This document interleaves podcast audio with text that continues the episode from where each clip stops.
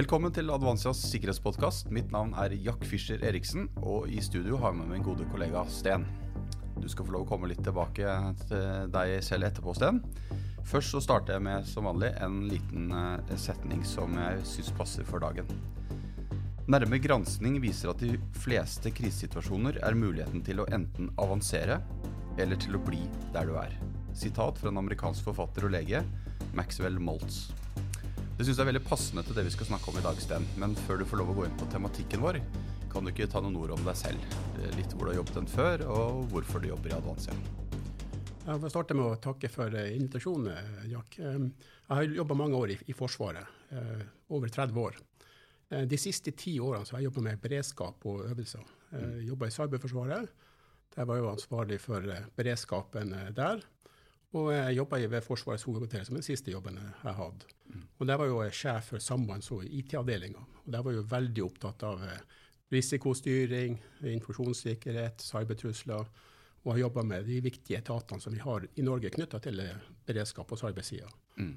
Nasjonal sikkerhetsmyndighet er jo kanskje det viktigste. Mm. Nettopp. Og det gir jo oss en god anledning til å snakke om krisehåndtering og øvelser. Og ut fra bare det lille du har sagt nå, Sten, så viser det at her har jo du mye erfaring og mye kunnskap. Og jeg er helt sikker på at denne podkasten blir veldig spennende for lytterne uh, i tematikken vi skal ta opp. Så hvis vi sier ordet krisehåndtering og øvelser, kan ikke du gi oss litt tanker rundt det? For vi, skal ikke snakke bare om den fysiske verden hvor noe kan skades, men kanskje også den digitale.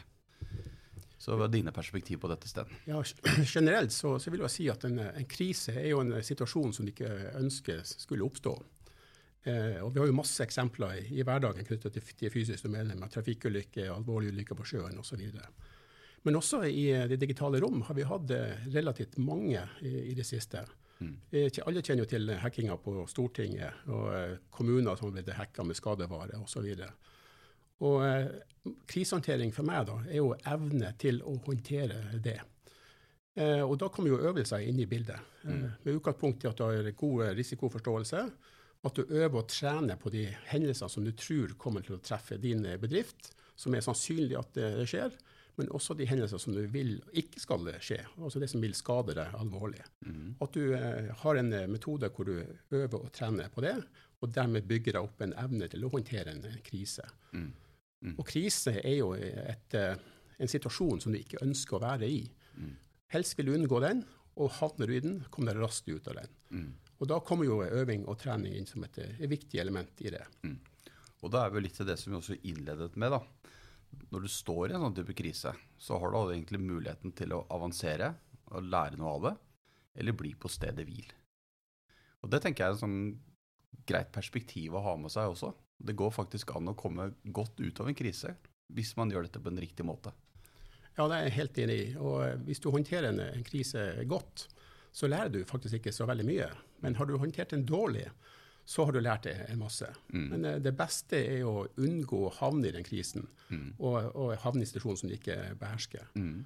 Og da kommer jo øving og, og trening inn i bildet. Mm.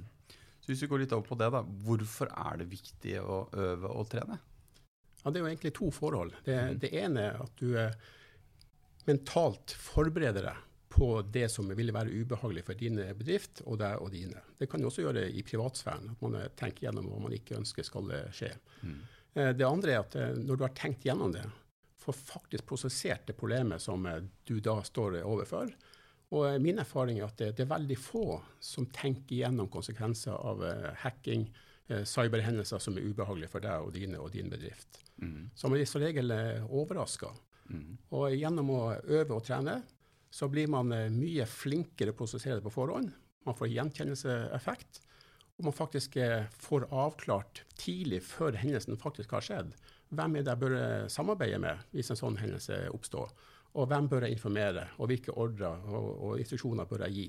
Mm. Så For ledelsen så er det en, en, veldig viktig metode for å skape sine egne ferdigheter og bli god sammen, rett og slett. Mm.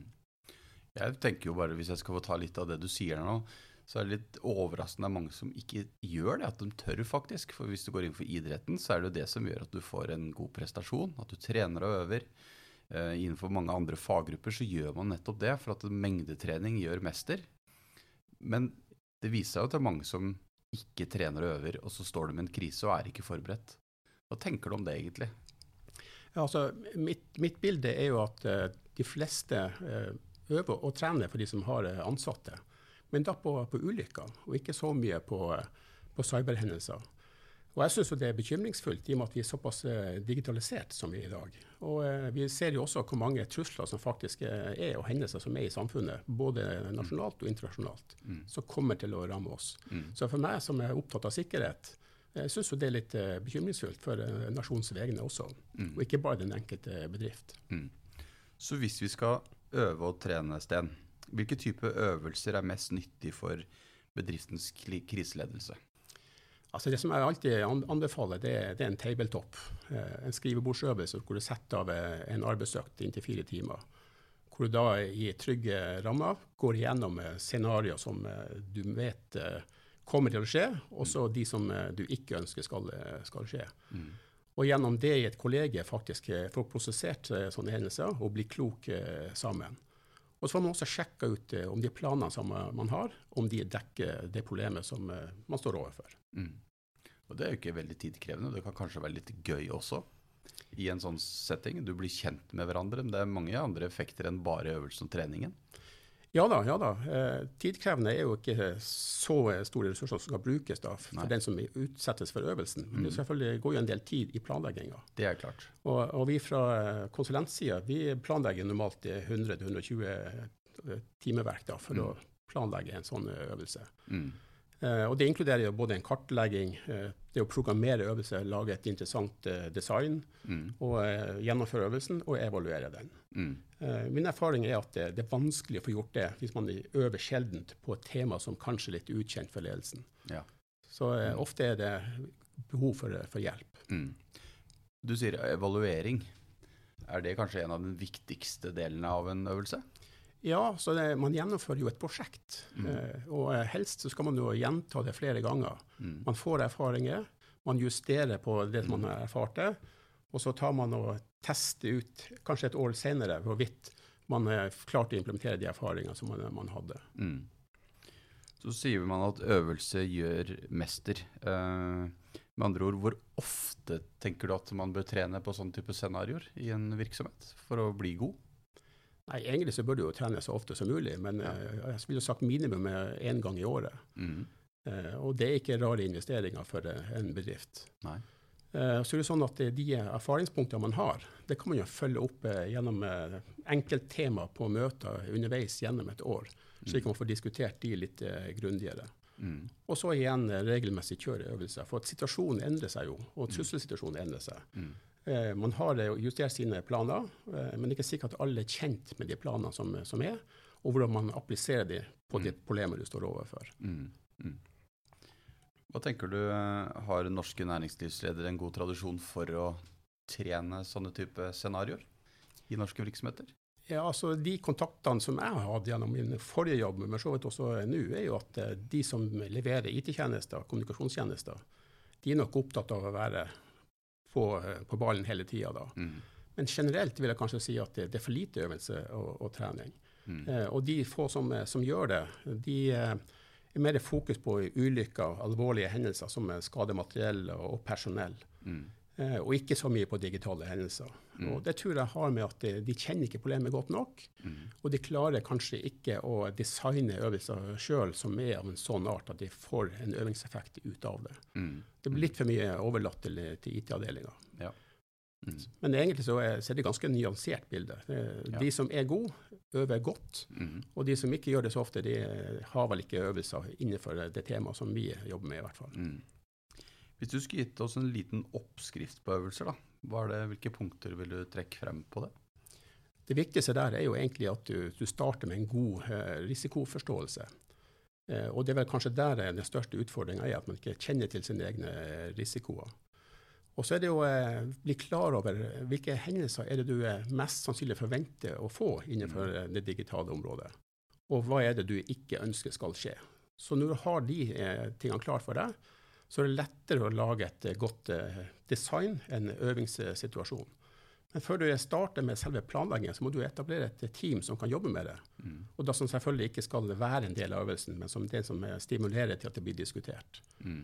Og så må du lage en god situasjonsbeskrivelse, finne en tidslinje, og da ta og gjennomføre en plan hvor du uh, får et scenario som utvikler seg gradvis verre. Mm. Slik at de som sitter og skal diskutere saken, føler at det blir et visst press underveis og klarer å leve, leve seg inn i situasjonen. Mm. Eh, og måten jeg bruker å gjøre det på, da, det er å finne ut hva er det som er virksomhetens eh, egenart. Mm -hmm.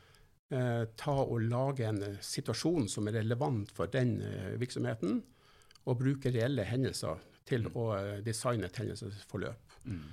Eh, så er det jo sånn at det, det, skal være interessant for de som også øver, så må de også bruke litt kreativitet. Og der kommer jo kunstneriske evner inn, slik at de føler at det, det var lærerikt, det var litt morsomt også, og at det var relevant. Mm.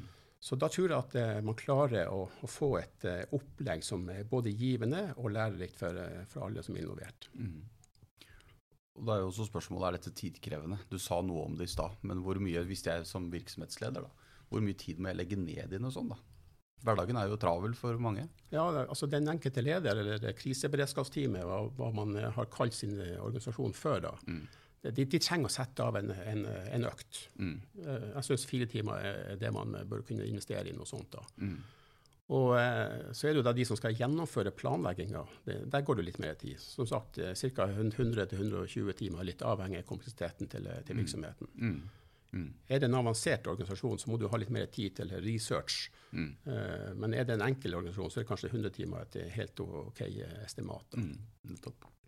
Vi skal litt opp på en case, uh, Sten, for vi jobber jo med kunder uh, innenfor krisehåndtering og øvelser og medietrening og, og krisekommunikasjon. Uh, casen er som følger. Etter en langs tids varsel fra Nasjonal sikkerhetsmyndighet og Politiets sikkerhetstjeneste uh, sine rapporter får en direktør uh, som er hjemme, SMS fra IT-sjefen med spørsmål om hvor i all verden er det han befinner seg hen. Det ser ut som at han er i Øst-Europa et sted, og informasjonen Eh, på telefonen som er lastet ned, ser ut til eh, å være mange filer som har fått endret lagringsdata. Det er uklart om man kan stole på innholdet og informasjonen. Denne oppgaven eller denne øvelsen får du av en kunde. Eh, hvordan går du frem? Ja, altså, For å starte med hvorfor skal du øve? Mm. Det er jo rett og slett for å unngå at denne situasjonen oppstår. Mm. Og Dessverre er jo det der et eksempel som faktisk har skjedd i virkeligheten. Mm. Eh, og eh, med å øve og trene, så, eh, så vil jeg ha sagt at det er en måte å være mentalt forberedt på at sånne hendelser kan skje. Og mest sannsynlig, hvis du har gjort jobben riktig, så har du gjort korrigerende tiltak slik at det ikke skjedde i det hele tatt. Mm. Og hvordan vil designe en sånn øvelse som stimulerte til det? Så tilbake til det jeg sa innledningsvis. Hvordan er det å planlegge øvelser? Mm. Mm. Etablere design, trusselsituasjon, og lage et hendelsesforløp hvor det her var et sånt element i den krisehåndteringa. Ja. Så er det liksom, Vi sier at man skal øve og trene. Uh, men hvordan vet man egentlig at man har en god effekt på krisehåndteringen? At øvelser har en god effekt? Ja, Det er jo rett og slett fordi at uh, hendelsen ikke oppstår. Og hvis den oppstår, så vil man fremstå uh, særdeles dyktig i det offentlige rom mm. når hendelsene faktisk skjer, og hvordan de prosesseres. Mm. Da er man også klar over at de som skal informeres, blir informert. Også en god mediehåndtering samtidig som eh, hendelsen i seg sjøl blir håndtert eh, bra. Mm. Hva er det viktigste målet ved øvelsen, tenker du da? Hva er de største læringseffektene du ønsker å oppnå hos de du trener? Ja, det viktigste er jo erkjennelsen av uh, hva som er risikoen. Og at de faktisk uh, gjennom det verifiserer at planene er gode nok. Hvis ikke man justerer planene. Slik at neste gang, eller hvis en sånn hendelse kommer, så er man da bedre forberedt. Mm.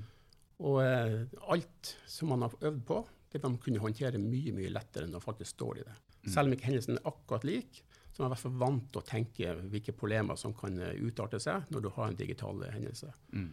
Og det er å unngå å få eh, eskalering av effekt, som eh, er utgangspunktet før man, man skal være forberedt. Mm. Slik at virksomheter kommer raskest mulig tilbake i normaltilstand, også som man sier. ikke sant? At ja, man ja. ikke taper tid. Ja. Eh, vi går ned mot landing, landingssted. Tiden går fort når man snakker om interessante ting. Kan du summere opp de tre viktigste rådene du har å gi til virksomhetsledere knyttet til, til celleøvelser og krisehåndtering? Har du noen råd du kan ta med på slutten?